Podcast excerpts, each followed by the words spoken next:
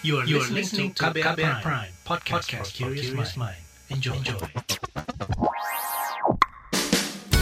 Saatnya Anda dengarkan Ruang Publik KBR yang dipersembahkan oleh Plan International Indonesia.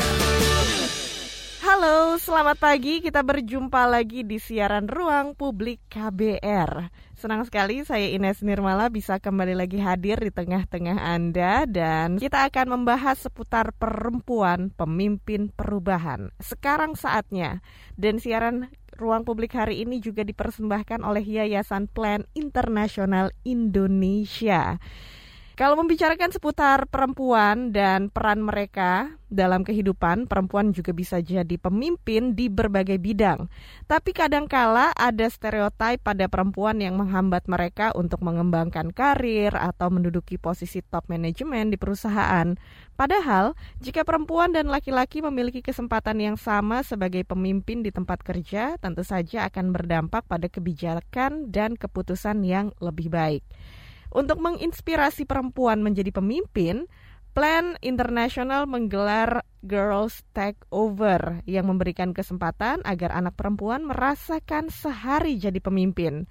Dan acara Girls Takeover ini juga diselenggarakan bertepatan dengan peringatan Hari Anak Perempuan Internasional yang jatuh pada 11 Oktober dan tahun ini Plan Indonesia menyelenggarakan Girls Takeover bersama Kementerian BUMN dan Sri Kandi BUMN.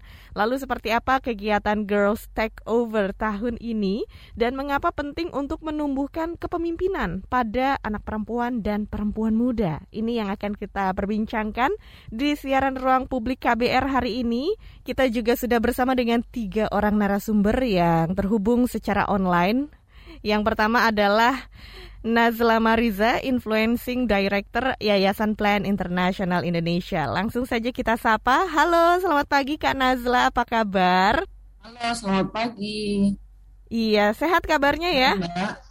Sehat-sehat, apa kabar Mbak? Kabarnya juga sehat di studio. Dan kita sapa juga narasumber kita berikutnya yaitu uh, finalis Girls Takeover 2021. Yang pertama Sharon Florencia dan kemudian Firda Yuda. Halo, selamat pagi Sharon dan Firda.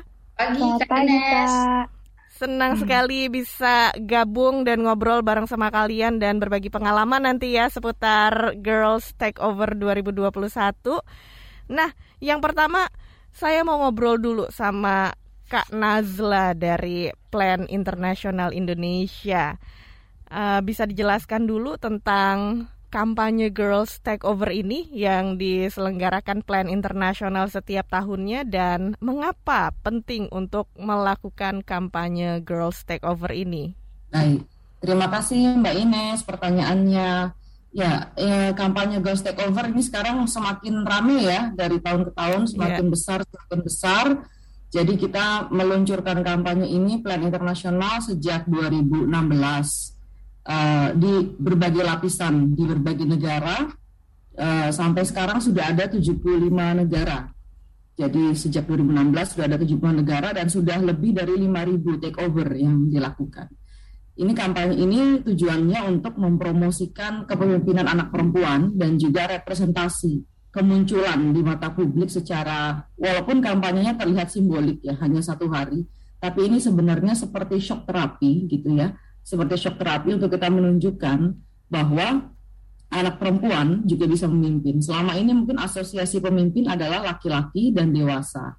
Sementara kalau kita lihat di berbagai lapisan dunia ya uh, kalau tadi pertanyaannya mengapa ini penting karena kami melihat anak perempuan di berbagai dunia ini masih sering kali dipandang sebelah mata.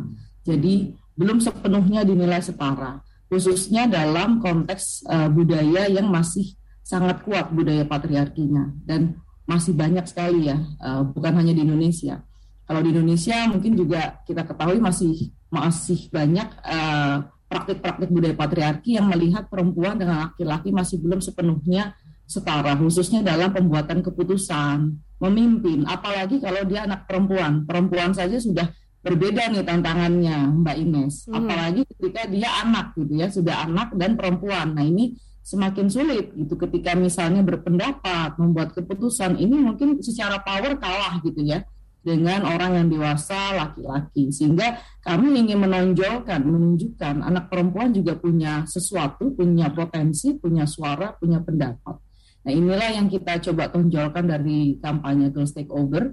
Langsung seorang anak perempuan yang masih muda yang selama ini mungkin tidak dipandang sebagai pemimpin tiba-tiba dia menjadi pemimpin yang paling tinggi top gitu ya. Menjadi mungkin menteri jadi CEO ini yang membuat orang mungkin kaget shock, tapi kemudian pelan-pelan kami ingin mengubah persepsi atau paradigma uh, publik.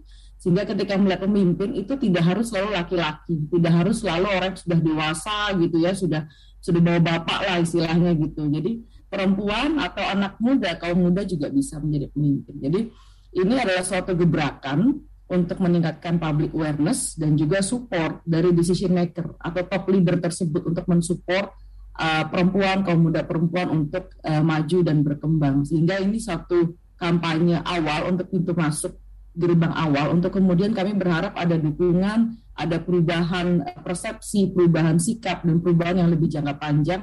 Juga kolaborasi untuk mendukung berinvestasi lebih uh, besar untuk mendukung kepemimpinan anak perempuan. Itu Mbak Ines kurang lebih. Wah, luar biasa gebrakan yang dilakukan oleh Plan Indonesia di mana anak perempuan ya diberikan kesempatan untuk jadi pemimpin dalam sehari dan sebelum kita ngobrolin nih seputar pengalaman mengikuti Girls Takeover dari Sharon dan Firda ini pengen tahu dulu deh seputar pandangan dari Sharon dan Firda terkait kesetaraan gender dan kepemimpinan perempuan. Boleh dari Firda dulu. Oke, okay, thank you Kak Ines untuk pertanyaannya.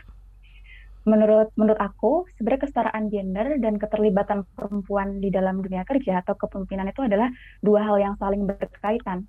Jadi menurut aku kesetaraan gender itu bisa dicapai apabila kita sudah berhasil melibatkan banyak perempuan pada posisi-posisi penting, entah di dalam bidang politik, sosial, ekonomi, pokoknya semua bidang itu harus melibatkan perempuan seperti itu kak.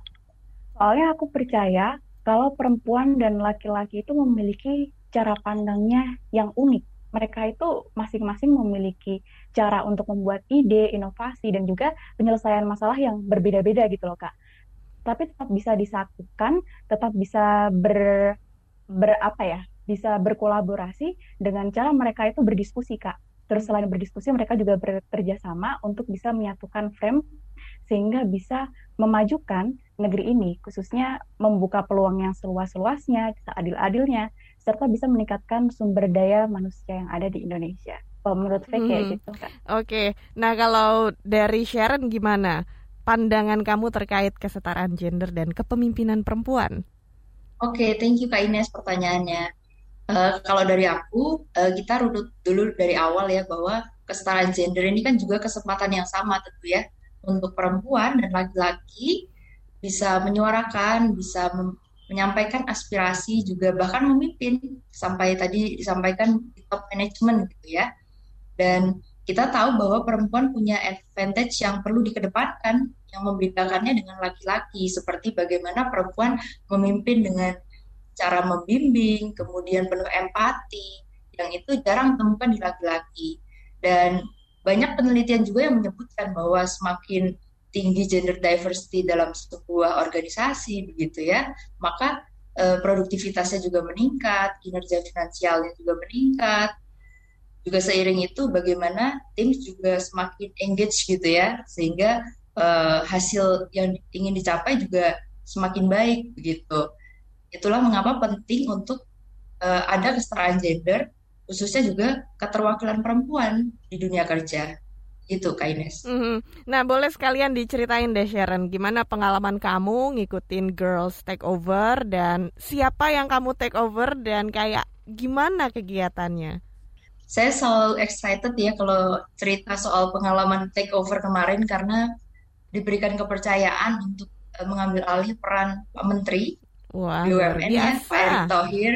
Mm-hmm. Jadi memang seharian itu sama beliau uh, dari pertama ada acara MOU yaitu penandatanganan kerjasama pupuk Indonesia dan BRI. Di situ diberikan kesempatan untuk memberikan arahan gitu ya. Kalau boleh cerita sneak peek ya dikit sebelumnya itu kita punya opsi untuk beliau memberikan pengantar gitu ya di arahan. Yang kedua opsinya adalah beliau kasih uh, speech tapi setengah, tapi ternyata beliau pengen Sharon semua yang ambil alih peran beliau untuk memberikan speech. Itu saya rasa adalah kesempatan dan kepercayaan yang luar biasa ya untuk benar-benar uh, mendalami peran sebagai Menteri BUMN sehari. Kemudian yang kedua adalah uh, memimpin rapat pimpinan. Di dalamnya juga ada Pak Erick Thohir, kemudian Wamen satu Pak Pahala, juga seluruh deputi eselon satunya, begitu ya dan di situ ada dua pokok bahasan yang uh, kemarin kami sampaikan yaitu mengenai SDM kepemimpinan wanita di perusahaan-perusahaan BUMN, kemudian juga terkait uh, eh, CSR, CSL, dan terakhir mengenai UMKM. Di situ kami memastikan bahwa progres dari uh, target kepemimpinan perempuan di BUMN ini sudah uh, on track gitu ya. Dan beberapa hal juga yang kemarin uh, saya rekomendasikan itu juga terkait dengan mentoring perempuan. Nanti mungkin kita bisa bahas lebih detailnya. Mm-hmm. dan yang ketiga itu adalah uh, kunjungan langsung ke Telkomsel ya. Network Operation Center. Di situ kami juga ada talk show bagaimana sehari perjalanannya menjadi menteri gitu ya. Beliau juga mengapresiasi bagaimana proses uh, sehari bisa men-take over posisi beliau. Itu Kak Ines Oke, pengalaman yang luar biasa pastinya ya. Dan berikutnya Firda yang juga jadi finalis Girls Takeover. Kamu ceritain dong gimana pengalamannya dan kamu men-take over siapa dan seperti apa kegiatannya. Oke, uh, kalau bisa digambarkan bagaimana proses aku bisa akhirnya sampai di titik ini atau pernah men-take over. Mm-hmm. Alhamdulillahnya kemarin diberikan mandat sama Bapak Menteri BUMN Erick Thohir untuk men-take over Bapak Fai Fahmi itu Direktur Utama Angkasa Pura 1 Kak Ines. Mm-hmm. Nah, kalau kalau kita kilas balik lagi tentang awal mula kenapa Fai bisa akhirnya sampai di titik ini, it was such a hard process, mm-hmm. yet worth it gitu mm-hmm. karena pada akhirnya Fai bisa melakukan dan juga mengalami serangkaian kegiatan yang sebelumnya V itu belum pernah rasakan sebelumnya. Kenapa tadi V bilang prosesnya itu berat? Itu karena seleksinya benar-benar ketat, Kak.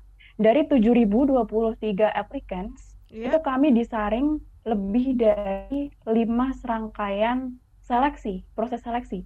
Mulai dari yang pertama itu administrasi, kemudian ada tes tertulis, ada juga kita bikin essay, ada tes essay. Setelah tes essay, kita ikutin kelas Girls Leadership Class, itu selama empat hari, sekaligus ada kompetisi video. Setelah kompetisi video, itu nanti disaring lagi untuk mengikuti wawancara. Dari situlah akhirnya dari 7.000 lebih applicant tadi mendapatkan 6 finalis termasuk aku dan Kak Sharon yang hari ini lagi ada di KBR sama Kak Ines. Hmm. Wow. Nah, Iya, setelah setelah tersaring dari enam finalis tadi, langsung kita diterbangkan ke Jakarta. Beberapa aja sih kak yang terbang, soalnya ada yang naik mobil juga. iya, ada yang Tapi dekat dari Jakarta rumahnya ya. Iya betul. Tapi kebetulan kemarin saya uh, diberi kesempatan buat terbang, mm-hmm. and it was my first solo traveling karena sebelumnya saya itu belum pernah naik kendaraan umum sendiri kak. Dan Wah. itu pertama kalinya saya itu naik pesawat sendiri. Jadi itu bener-bener pengalamannya tuh numpuk-numpuk. Iya. -numpuk selain V dapat iya selain V dapat mentoring dari Pak Menteri, dari Pak Wamen juga, kemudian dari petinggi-petinggi lain di Kementerian BUMN, sekaligus tidak lupa dapat juga mentoring dari Bapak Faik Fahmi. V juga dapat pengalaman tadi ketemu sama teman-teman yang baik dan juga satu visi dan satu misi yang sama. Kemudian V juga tadi yang paling penting alhamdulillah ternyata V bisa solo traveling itu Kak. Wah, itu dia ya. Pengalamannya banyak banget pastinya bisa memperkaya para finalisnya itu sendiri ya. Dan selain itu gerakan ini juga berlangsung diselenggarakan untuk uh, supaya anak-anak perempuan di Indonesia juga melihat gitu ya bahwa anak perempuan ini bisa loh menduduki jabatan petinggi gitu di BUMN di perusahaan-perusahaan lainnya kita akan lanjut lagi ngobrol di siaran Ruang Publik KBR. Kak Nazla, Firda, dan Sharon, kita jeda dulu sejenak. Kita akan kembali setelah yang berikut ini tetap di Ruang Publik KBR. Masih Anda dengarkan Ruang Publik KBR yang dipersembahkan oleh Plan Internasional Indonesia. Commercial break. Commercial break.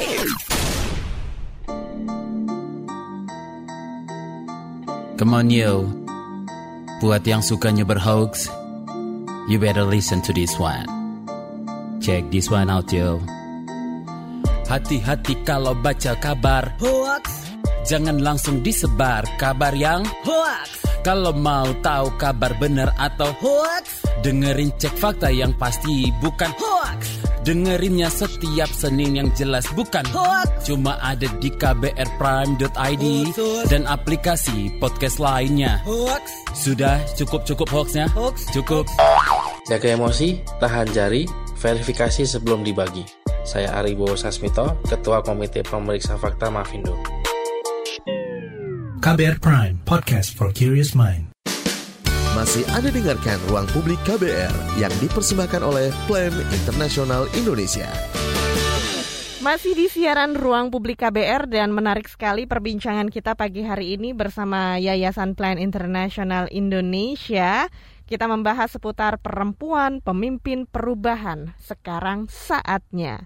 Dan bersama dengan kita juga sudah ada tiga orang narasumber yang terhubung lewat Zoom. Yang pertama adalah Kak Nazla Mariza, Influencing Director Yayasan Plan Internasional Indonesia. Kemudian Sharon Florencia, finalis Girls Takeover 2021 yang men-take over peran Menteri BUMN Pak Erick Thohir dan juga Firda Yuda. Finalis yang men-take over peran Direktur Utama Angkasa Pura I Bapak Faik Fahmi. Kita lanjut ngobrol-ngobrol lagi di sini, tapi kita kasih kesempatan juga untuk penelpon kita dari Kalideres Jakarta ada Lani. Langsung saja kita angkat teleponnya. Selamat pagi Lani. Pagi. Iya Lani, apa yang mau disampaikan atau ditanyakan ke narasumber kita? Aku mau bertanya, uh, sosialisasi bercheck over ini pesertanya itu dipilih atau pendaftaran itu terbuka secara umum? Oke, terus apa lagi yang mau ditanyakan? Ah, sudah itu saja. Oh gitu ya, jadi ini gimana caranya supaya bisa bergabung dengan Girls Takeover ya? Seperti apa mekanismenya? Mungkin Kak Nazla bisa diceritakan juga. Oke, baik. Uh, saya bisa sampaikan, mungkin nanti Firda sama Sharon juga bisa sampaikan mm-hmm. dapat informasi dari mana nih gitu ya. Saya juga penasaran. Daftaran ini terbuka untuk siapa pun, uh, benar-benar terbuka luas. Kita selalu posting di Instagramnya Plan Indonesia. Jadi silakan follow saja. Kita banyak sekali kegiatan kampanye yang bisa diikuti oleh kaum muda di Indonesia sangat terbuka uh, terutama perempuan ya kaum muda perempuan dan juga laki-laki. Kita bekerja sama dengan banyak sekali organisasi juga organisasi yang banyak laki-laki baru ya. Maksudnya laki-laki yang ber, uh, mendukung kesetaraan gender juga banyak dari kaum muda kita. Jadi terbuka uh, bukan hanya Girls Takeover tapi banyak kegiatan lain. Itu ada di Instagramnya Plan uh, setiap tahun. Jadi Girls Takeover ini kita selenggarakan setiap bulan Oktober dalam rangka International Day of the Girls. Jadi stay tune saja untuk publik masyarakat di kira-kira bulan Juli gitu ya, bulan Juli Agustus itu kita udah mulai buka opening setiap tahunnya. Seperti itu, uh, Mbak Ines. Iya, jadi bisa dicek Instagram, sosial medianya Plan Indonesia dan juga bisa dicek di website juga ya informasi seputar program-program yang diselenggarakan oleh Plan. Kalau Firda ya. sama Sharon dapat informasi seputar Girls Takeover dari mana nih? Uh, kalau V berhubung V masih magang ya Kak, sama cari-cari pengalaman lain itu kebetulan juga V lagi follow banyak banget account magang, informasi magang seperti itu. Dan ketika sekitar bulan Agustus itu lagi buka-buka akunnya, eh tiba-tiba muncul ada posternya gitu Girls Take Over. Terus pas baca-baca, eh ini sama kayak kayak topik skripsiku tentang perempuan. Aku juga hmm. kebetulan fokusnya kemarin di di pusat studi gender dan kebetulan ini juga mengangkat tentang kesetaraan gender. Excited nih aku kak. Iya. Akhirnya yeah. deh aku daftar dari situ. Wah, kalau Sharon gimana? Informasinya dapat dari mana? Jadi kalau kali ini kan kolaborasinya Plan sama Kementerian BUMN sama Sri Kandi. Jadi yeah postingannya cukup banyak. Uh, tahunya pertama mungkin dari Plan Indonesia, kemudian ada juga dari uh, postingan beberapa perusahaan BUMN. Secara internal pun banyak uh, apa ya uh, share-nya, broadcast-nya gitu ya. Mm-hmm. Jadi akhirnya juga karena temanya menarik, kesetaraan gender juga relate gitu ya sebagai uh, pegawai perempuan di perusahaan BUMN. akhirnya daftar. Gitu, oh gitu. Oke, berikutnya sudah ada pendengar kita Ray di Kemang Jakarta. Langsung saja kita angkat telepon dari Ray. Halo, selamat pagi. Halo, selamat pagi. Iya, Ray apa yang mau ditanyakan ke narasumber kita? Iya, mau nanyain aja nih. Uh, ini gimana ya caranya uh, untuk berliterasi kesetaraan gender di luar di luar kota-kota besar, khususnya di kota Jakarta ya, karena mm-hmm. menurut saya di daerah-daerah terpencil gitu ya itu masih membudayakan kalau perempuan itu susah untuk memimpin karena itu sudah menjadi budaya mungkin yang harus susah dirubah. Mm-hmm. Nah dalam minima teknologi itu gimana cara meliterasinya dan mungkin di kota-kota besar juga kan banyak contohnya perempuan banyak yang memimpin ya. Nah itu gimana nasibnya di perempuan di daerah-daerah terpencil gitu. Oke, baik. Terima kasih Ray di Kemang. Boleh langsung ditanggapi oleh Firda dan Sharon? Oke, kalau ngomongin tentang kesetaraan gender atau ya kesetaraan gender, keadilan keperempuanan di dusun-dusun di kota-kota kecil, mungkin Firda bisa relate banget kak di situ. Karena kebetulan saya itu tinggal di kampung di Jawa Tengah yang mana memang kesetaraan gendernya itu dulu ya dulu ketika saya masih kecil itu masih sangat kurang. Masih sangat kurang dan bahkan beberapa daerah juga di Jawa Tengah yang saya tahu itu orang-orangnya bakal ngerasa kayak uh, risih atau tabu kalau kita ngomongin tentang kesetaraan gender seperti itu tapi kebetulan orang tuanya V itu khususnya ibu itu ibu pernah jadi ketua PKK, kemudian jadi komite di sekolah-sekolah yang ada di kampung sini.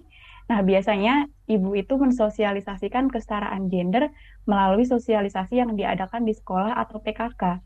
Dan itu bener-bener berhasil loh, Kak. Hmm. Karena pada akhirnya setelah berapa ya? Mungkin sekitar 12 atau 15 tahun sampai sekarang P berdiri, itu kesetaraan gendernya sudah mulai meningkat.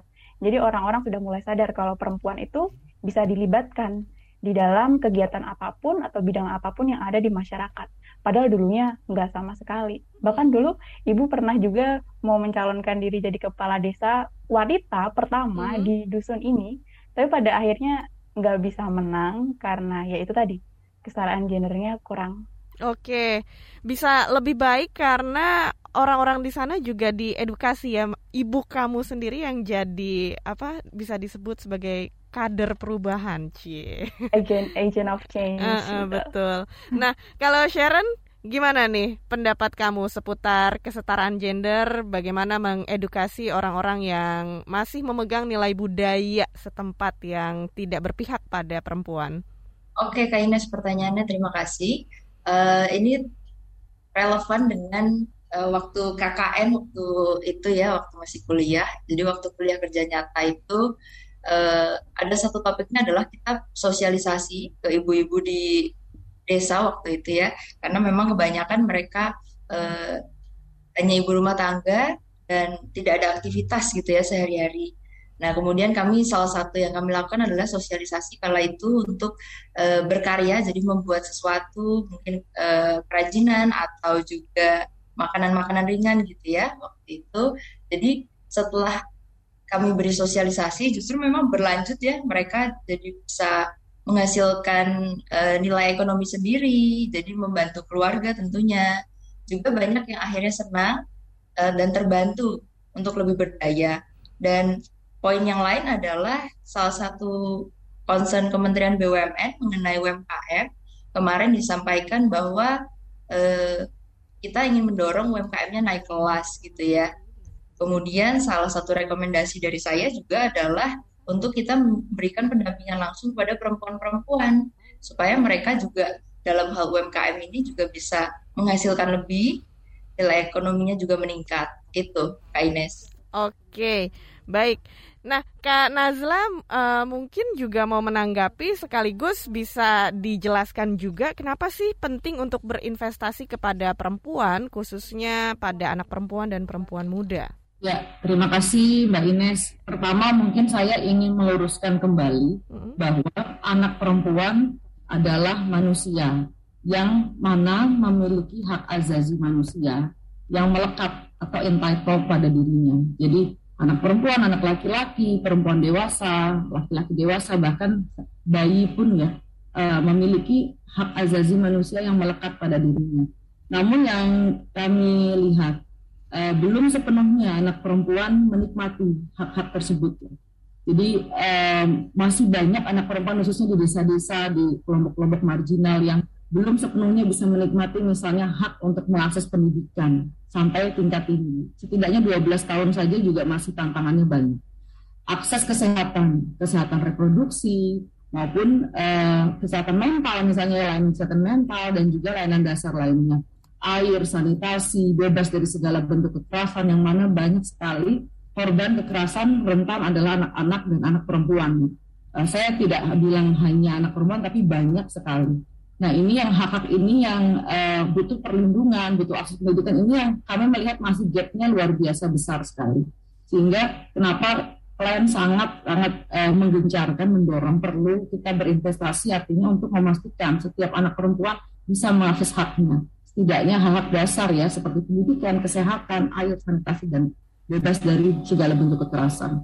Dan kemudian uh, selain uh, ini menjadi hak dasar yang harus diperjuangkan untuk setiap manusia di muka bumi ini, juga secara statistik, secara statistik, kesetaraan gender bisa berkontribusi positif terhadap pembangunan ekonomi. Ini sudah banyak sekali datanya, statistiknya mungkin saya kutip be, uh, beberapa ya. Jadi uh, disampaikan bahwa uh, kesetaraan gender bisa meningkatkan nasional GDP kita uh, gross domestic uh, product ya atau produk domestik bruto sampai 135 uh, miliar uh, dolar uh, setiap tahun sampai 2025. Ini kan besar sekali gitu.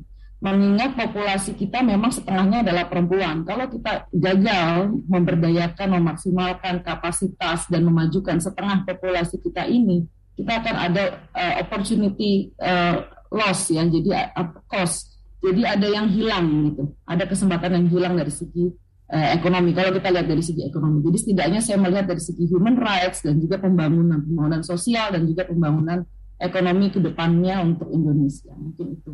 Kenapa itu penting? Iya, ternyata dampak bagi negara luar biasa ya kalau perempuan dan anak uh, anak perempuan, perempuan muda ini dilibatkan dalam kepemimpinan dalam dunia kerja bisa meningkatkan GDP Indonesia ternyata ya kan Nazla ya. Oke, kita akan lanjutkan bincang-bincang kita di siaran ruang publik KBR bersama Yayasan Plan Internasional Indonesia. Tapi sekarang kita jeda dulu sejenak, tetap di ruang publik KBR. Masih Anda dengarkan ruang publik KBR yang dipersembahkan oleh Plan Internasional Indonesia. Masih di siaran ruang publik KBR, ada saya Ines Nirmala dan juga saya bersama dengan tiga orang narasumber yaitu Kak Nazla Mariza, Influencing Director Yayasan Plan Internasional Indonesia dan juga Sharon Florencia dan Firda Yuda, finalis Girls Takeover 2021 dan pagi hari ini kita masih membahas tema perempuan pemimpin perubahan. Sekarang saatnya dan siaran ruang publik hari ini juga dipersembahkan oleh Yayasan Plan Internasional Indonesia.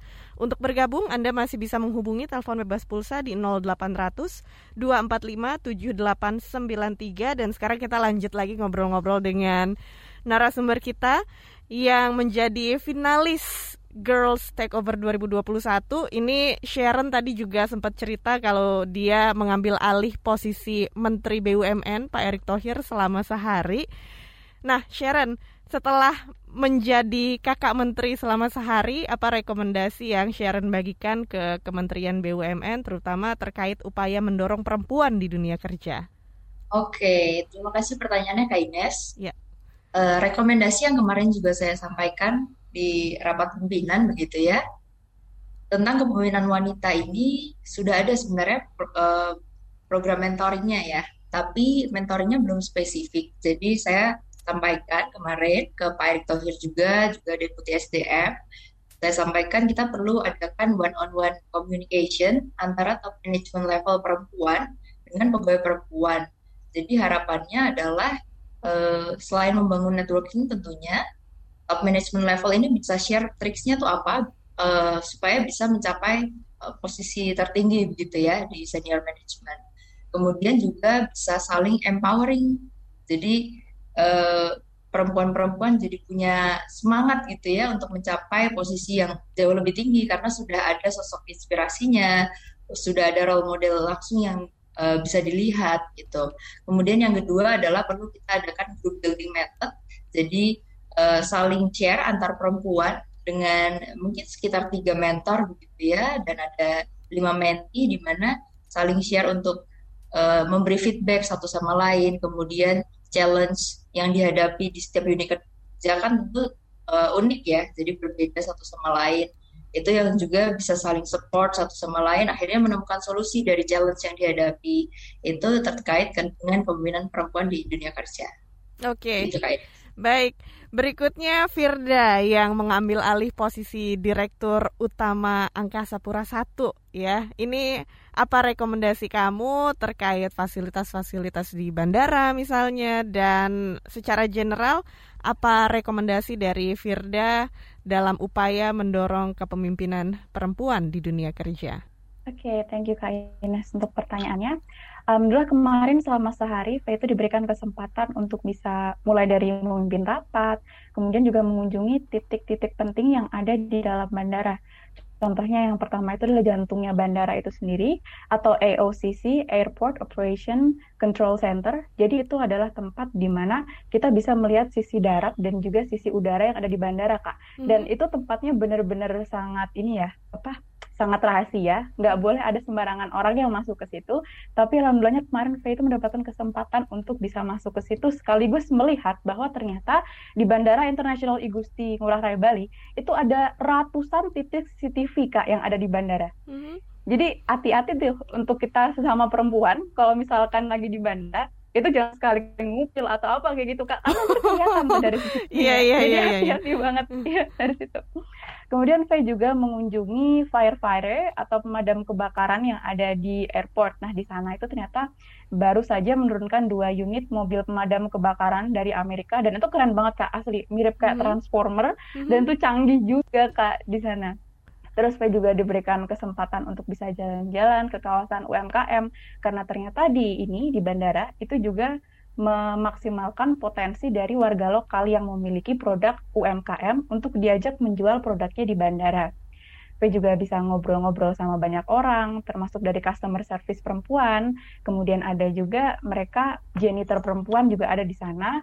Ada juga ini kak petugas keamanan yang memeriksa kayak gitu loh. Jadi itu biasanya adalah pekerjaan yang dilakukan sama laki-laki tapi ada perempuannya dan itu keren banget karena ternyata bandara bisa menyerap banyak perempuan untuk bisa bekerja di sektor bandara. Nah, selain itu sesuai dengan amanat dari Bapak Menteri BUMN ya Erick Thohir itu saya diberikan amanat untuk meninjau fasilitas teman-teman difabel dan juga special needs yang ada di bandara. Kalau di bandara, special needs itu terdiri dari mereka yang memiliki gangguan mental tertentu. Kemudian ada orang sepuh atau orang-orang tua, sekaligus juga ada ini ibu-ibu hamil, Pak. Jadi itu tergolong special needs kalau di bandara. Nah, sesuai dengan amanah dari Pak Menteri, saya itu meninjau berbagai fasilitas yang ada di bandara, mulai dari pendaftarannya, kemudian lounge untuk menunggu check-in, sampai juga ke customer service yang alhamdulillah customer service-nya itu sudah bisa menggunakan Bisindo atau bahasa isyarat Indonesia. Meskipun hmm. baru ada baru ada yang direncanakan juga karena ini juga pandemi ya Pak. Jadinya masih ada efisiensi, tapi juga sudah ada rencana untuk memaksimalkan Bisindo bagi customer orang-orang teman-teman difabel tadi dan juga teman-teman yang special needs. Mm-hmm. Kemudian rekomendasi apa yang saya sampaikan untuk Angkasa Pura 1 sekaligus untuk BUMN terkait tentang fasilitas-fasilitas tersebut adalah yang pertama, itu membuat program pelatihan naik pesawat yang V beri nama sebagai Wings for Special Needs. Yeah. Jadi itu kemarin ada cerita juga kalau sempat ada anak dengan autisme itu yang bikin apa ya keramaian di bandara karena dia itu panik dan tidak mau naik pesawat. Mm-hmm. Nah, untuk meminimalisir hal tersebut terjadi lagi, saya merekomendasikan untuk membuat program pelatihan naik pesawat ini. Jadi nanti teman-teman yang difabel dan juga special needs itu bisa dilatih untuk naik pesawat mulai dari mereka parkir, masuk check-in sampai masuk ke dalam bandara supaya nantinya mereka terbiasa dan tidak akan terjadi hal-hal yang tidak diinginkan seperti tadi, Kak. Jadi itu adalah yang pertama, mm-hmm. program for special needs. Kemudian yang kedua, saya itu juga memberikan syarat maksud saya rekomendasi untuk membelikan lanyard khusus. Jadi ada name tag khusus mm -hmm. dengan warna yang terang dan juga motif-motif yang khusus kayak gitu untuk memberikan tanda dan juga mengidentifikasi teman-teman difabel dan juga special needs yang ada di bandara. supaya nantinya petugas juga dengan mudahnya bisa mengidentifikasi oh yang ini perlu bantuan, oh yang ini enggak. Kan gampang tuh Kak kalau ada lanyard khusus hmm. seperti itu. Ya.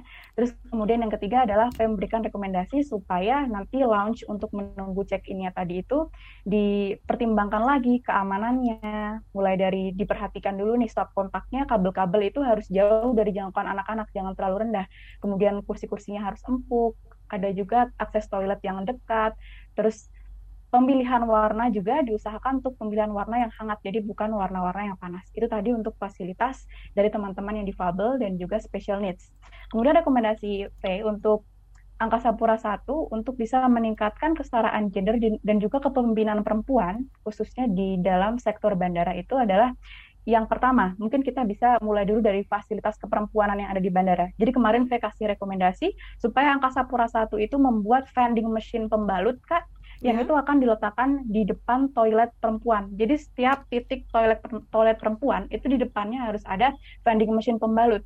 Karena supaya apa? Supaya kita perempuan bisa dengan mudahnya untuk mengambil kebutuhan dari reproduksi. Jadi biar lebih gampang gitu kak daripada lari-lari dulu kan kita nggak tahu ya nanti kondisinya seperti apa kalau tiba-tiba menstruasi di bandara. Itu yang pertama.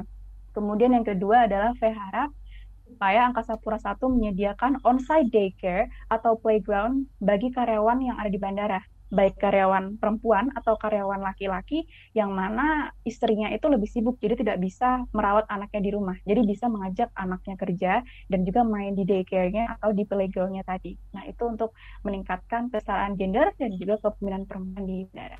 Wah, luar biasa. Rekomendasi yang Firda dan Sharon berikan ke perusahaan yang sempat kalian pimpin selama sehari ya. Mudah-mudahan rekomendasi ini bisa diterapkan dan bisa jadi kebijakan dari perusahaan itu sendiri. Oke, kalau dari Kak Nazla nih untuk uh, rekomendasi juga dari Plan Indonesia ya. Pastinya uh, kita melihat ada berbagai pemangku ke kepentingan seperti pemerintah, perusahaan, dan masyarakat. Ini seperti apa rekomendasinya supaya semakin banyak perempuan yang memimpin? Kalau saya melihat untuk uh, memastikan uh, perempuan uh, tetap bisa maju dan menjadi pemimpinnya itu penting sekali. Yang pertama adalah uh, lebih banyak kita berinvestasi di sektor pendidikan dan pelatihan kerja ya, yang uh, tentunya relevan dengan kebutuhan kerja maupun mendorong kewirausahaannya. Uh, karena banyak kaum uh, perempuan yang uh, sebenarnya masih tertinggal dari segi akses uh, apa uh, pekerjaan. Kalau kita lihat angka persentase ya partisipasi angka uh, angkatan kerja itu perempuan jauh tertinggal daripada laki-laki. Hanya 53 persen dari perempuan yang usia produktif yang bekerja, sementara laki-laki sampai 82 persen. Ini kan jauh sekali. Nah, mungkin kita bisa memikirkan bagaimana pelatihan kerja pendidikan juga yang berperspektif gender. Artinya menyesuaikan apa sih kebutuhan perempuan ya yang mungkin berbeda dengan kebutuhan laki-laki. Misalnya kalau untuk pemerintah, kami juga ingin merekomendasikan kebijakan-kebijakan dan program maupun investasi itu lebih bergender. Seperti tadi saya sampaikan, uh, perempuan mungkin punya kebutuhan yang berbeda dengan laki-laki, sehingga jangan sampai kebijakan yang dibuat atau program yang dibuat, program bantuan atau apa pun itu bias gender atau netral gender semua disamaratakan. Karena kebutuhan laki-laki dengan perempuan bisa jadi berbeda ya. Karena di society kita masih ada gender role yang sangat kental dan itu uh, membuat perempuan punya hambatan ketika semua itu disamaratakan. Dan untuk perusahaan uh, mungkin juga kami ingin merekomendasikan perlu memikirkan bagaimana perusahaan memfasilitasi kebutuhan karyawan perempuan khususnya yang punya anak kecil. Tadi Firda sudah sampaikan misalnya Uh, misalnya ada ruang laktasi atau ada ruang uh, chat center yang dia bisa uh, gunakan servisnya. Sehingga karyawan perempuan bisa tenang mereka bekerja dan uh, ternyata terbukti ketika perusahaan memperhatikan kebutuhan karyawan perempuan dan laki-laki itu loyalitas dan masa kerja mereka lebih lebih tinggi. Nah, ini yang mungkin perlu diperhatikan juga. Dan untuk masyarakat uh, saya menghimbau kita untuk mulai memiliki perspektif yang berkeadilan dalam melihat perempuan dan laki-laki khususnya anak perempuan bagaimana kita uh, juga berperan mendukung ketika ada anak perempuan ingin maju bukan kita discourage tapi justru kita empower kita membangun supporting system yang suportif positif untuk mendukung kemajuan anak eh, anak-anak perempuan mungkin itu yang bisa saya sampaikan Oke okay. baik Kak Nazla dan sekarang saatnya kita jeda dulu sejenak Kita akan kembali lagi setelah yang berikut ini. Masih Anda dengarkan Ruang Publik KBR yang dipersembahkan oleh Plan Internasional Indonesia. Commercial break. Commercial break.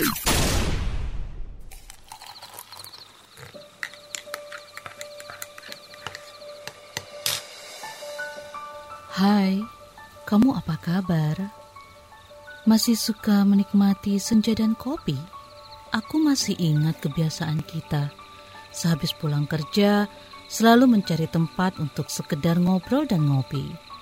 Tapi kadang kita kehabisan bahan obrolan. Aku masih melakukan hal yang sama sampai sekarang tanpa harus takut habis bahan buat ngobrol karena aku selalu mendengarkan KBR sore dari Senin sampai Jumat jam 4 sore. Ah, aku rindu. KBR Inspiratif Terpercaya.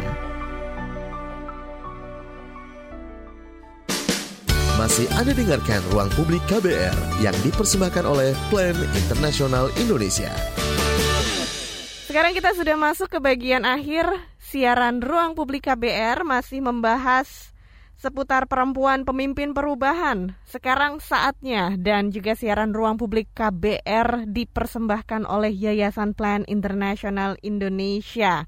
Dan sekarang juga saya mau langsung aja bacakan komentar yang sudah masuk lewat live chat YouTube di channel Berita KBR. Ada komentar dari Santi Rosalia perempuan pemimpin perubahan sebetulnya begitu adanya. Hanya saja budaya kita yang masih menempatkan perempuan di posisi kedua. Kemudian dari Imsan, budaya patriarki sering menjadi tantangan yang harus dihadapi perempuan Indonesia untuk menjadi seorang pemimpin. Semoga sukses menjadi pemimpin masa depan sesuai dengan apa yang dicita-citakan. Kemudian juga ada komentar dari Marisa, semoga sukses selalu untuk perempuan Indonesia, khususnya anak perempuan dan wanita muda yang berprestasi. Ada juga uh, pertanyaan nih dari Musa di Rembang. Perempuan-perempuan di daerah sudah semakin banyak yang tampil di jajaran Pemkap DPRD, tetapi perannya masih belum nampak signifikan. Apakah kira-kira mereka masih kurang pede ya? Dan ini juga ada pertanyaan yang mungkin nadanya sama ya dari Aldi Putra. Sama-sama kita tahu sebagian perempuan krisis kepercayaan diri padahal mereka mempunyai potensi. Gimana cara menumbuhkan kepercayaan diri perempuan untuk mulai dan berusaha untuk lebih unggul dalam pekerjaan di bidang yang disukainya. Nah, uh, mungkin Sharon mau menanggapi dari komentar pendengar kita? Oke, Kak Ines, boleh banget. Uh, kalau personal ya aku sendiri, uh, bagaimana menumbuhkan kepercayaan diri? Ya harus dilatih sih, karena memang nggak bisa serta merta langsung satu bulan dua bulan langsung bisa percaya diri gitu ya. Jadi dari sekolah aktif di kegiatan sekolah gitu ya kemudian di kampus atau mungkin sudah di pekerjaan masing-masing. Ikut banyak komunitas kemudian organisasi juga kepanitiaan itu kan banyak uh, part di mana kita juga bisa meningkatkan kepercayaan diri untuk uh, menyampaikan pendapat untuk menyampaikan aspirasi kita jadi dengan begitu kita melatih diri kita sedari kecil gitu ya untuk uh, berani berbicara di depan umum karena memang prosesnya uh, gak cepat gitu. Iya.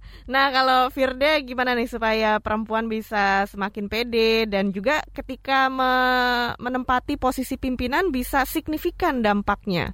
Uh, kalau V itu kebanyakan dari dulu belajarnya dari ibu kak, karena mm -hmm. ibu tuh bener-bener salah satu figure yang ngajarin saya untuk bisa berani speak up meskipun ibu itu adalah seorang perempuan kita adalah perempuan gitu kan mm -hmm.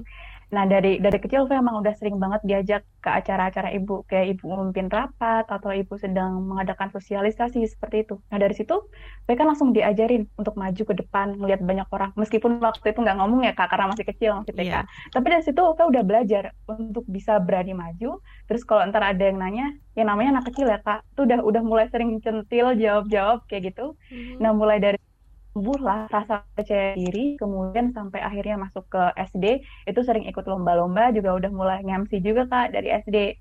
Kemudian ke SMP juga udah mulai masuk ke debat, SMA juga masih debat dan sampai kuliah juga masih debat. Dari situ benar-benar diasah banget kemampuannya untuk bisa percaya diri sekaligus public speaking. Dan selain itu Kak, yang paling penting sebenarnya bukan hanya melatih diri supaya kita bisa lebih percaya entah tampil di depan publik atau memimpin suatu organisasi atau suatu perusahaan. Tapi menurut saya yang paling penting adalah we choose to be confident. Jadi kita harus memilih aku pilih mau percaya diri kok jadinya aku berani maju ke depan. Jadi nggak cuma ngelatih ngelatih aja tapi kalau ujung-ujungnya kita nggak milih pengen percaya diri ya nggak bakal bisa kak. Tapi dari awal kita harus sudah meniatkan dan kita memilih kalau kita itu pengen percaya diri. Kita itu pengen bisa ngomong di depan banyak orang. Kita pengen bisa memimpin. Nah dari situ mulailah dengan melatih diri dengan cara mengikuti organisasi dan komunitas seperti Kak tadi plus juga membaca buku tentang self help dan juga bagaimana cara menumbuhkan personality yang baik seperti apa kemudian kemampuan percaya diri sendiri itu juga banyak buku-buku banyak artikel yang bisa menumbuhkan kemampuan kita nah kalau V kayak gitu kak iya nah kalau dari kak Nazla apa nih saran yang mau disampaikan untuk mengatasi stereotip mungkin ya terhadap perempuan yang ini akhirnya menghambat perempuan sebagai pemimpin? Ya, oke. Okay. Kalau saya sih ini berarti beda ya pertanyaannya bukan untuk meningkatkan kepercayaan diri ya, yeah. lebih dari stereotip ya. Uh -uh memang suatu perjuangan yang panjang, Mbak ini panjang sekali karena stereotip ini kan sudah ada dari berabad-abad yang lalu. Stereotip yang dilekatkan pada laki-laki dan perempuan karena uh, jenis kelaminnya uh, dan stereotip ini kan ternyata berdampak pada kesempatan. Kesempatan ternyata yang berbeda dan ekspektasi masyarakat kepada gender laki-laki dan perempuan ini kemudian berbeda. Dan ini kan suatu per, uh, perjuangan panjang sekali untuk kita mengubah persepsi itu. Tadi juga banyak komentar saya dengar ya, masih banyak budaya patriarki gitu. Nah, uh, kalau saya berpikir kita sebagai perempuan uh, perlu membangun solidaritas, itu penting sekali karena supporting system itu penting. Uh, kita berjuang sendiri akan babak belur juga gitu ya. Jadi kita perlu mencari aliansi, mencari kawan, uh, atau organisasi atau mungkin komunitas gitu ya yang kita tahu yang kira-kira uh, sangat positif untuk mendukung kemajuan perempuan. Dan kita bagaimana kita bisa uh, membangun uh, aliansi itu sehingga kita lebih strong. Dan kemudian saya pikir kita juga perlu membangun kompetensi kita sebagai perempuan sehingga bukan hanya kita menuntut suatu perbedaan uh, apa uh, persepsi atau perlakuan yang kemudian sama tapi kita juga claiming our rights gitu. Kita mengklaim bahwa kita punya hak untuk pendidikan kita juga semakin meningkatkan kapasitas kita seperti tadi Firda dan Sharon sudah sampaikan melatih uh, kemampuan memimpin itu juga menurut saya penting di, diimbangi dengan uh, pengetahuan kita yang terus kita tingkatkan. Kemampuan kompetensi skill apa pun apa pun yang kita uh, suka dan ahli di bidang itu kita terus tingkatkan. Sehingga orang tidak lagi melihat kita oh perempuan laki-laki tapi sudah melihat kita dengan kompetensi yang sangat uh, baik di bidang itu dan kita juga punya suara, ketika kita bersuara juga bermakna dan substansial gitu ya, dan kita punya supporting system itu penting sekali. Iya, oke. Okay. Dan terakhir dari Sharon dan juga Firda, apa yang mau disampaikan harapan kamu bagi anak perempuan dan perempuan muda di Indonesia? Singkat saja, silahkan Sharon. Uh, untuk perempuan-perempuan di Indonesia uh, harus berani bergerak, uh, meningkatkan kapabilitasnya, sedari dini di mana pun uh, sekolah atau kampus masing-masing begitu. Jangan takut, kesempatannya sudah ada di depan mata. Juga banyak dukungan dari Plan Indonesia, juga dari kementerian dan seluruh aspek uh, pemerintahan gitu ya. Jadi terus tingkatkan kapabilitas, yang penting berani bermimpi dan bergerak gitu Agnes. Oke, dan Firda apa yang mau disampaikan harapan bagi anak perempuan dan perempuan muda di Indonesia? Oke, kurang lebih sama seperti Kak Sharon. Sebagai perempuan kita itu harus memiliki mimpi untuk bisa menggerakkan ke mana kita akan melangkah seperti itu. Itu yang pertama. Kemudian yang kedua, sebagai perempuan, kita juga harus terus memberanikan diri untuk bisa speak up mengenai ketidakadilan. Kemudian kita juga harus berani untuk mengambil keputusan dan juga kita harus berani untuk mendobrak pintu perubahan. Cukup gitu aja, Kak. Wah, keren sekali perbincangan kita pagi hari ini bersama Yayasan Plan Internasional Indonesia dan saya ucapkan terima kasih banyak buat Kak Nazla dari Plan, uh, dari Plan Indonesia dan juga Sharon dan Firda finalis Girls Takeover 2021. Sukses selalu untuk kalian dan sukses untuk Plan serta program-program yang diselenggarakan. Karena waktu yang terbatas, sampai di sini dulu perbincangan kita di siaran Ruang Publik KBR. Saya ucapkan terima kasih kepada Anda atas kebersamaannya. Saya Ines Nirmala pamit undur diri. Sampai jumpa lagi. Salam. Baru saja Anda dengarkan Ruang Publik KBR yang dipersembahkan oleh Plan Internasional Indonesia. KBR Prime, cara asik mendengar berita. KBR Prime, podcast for curious mind.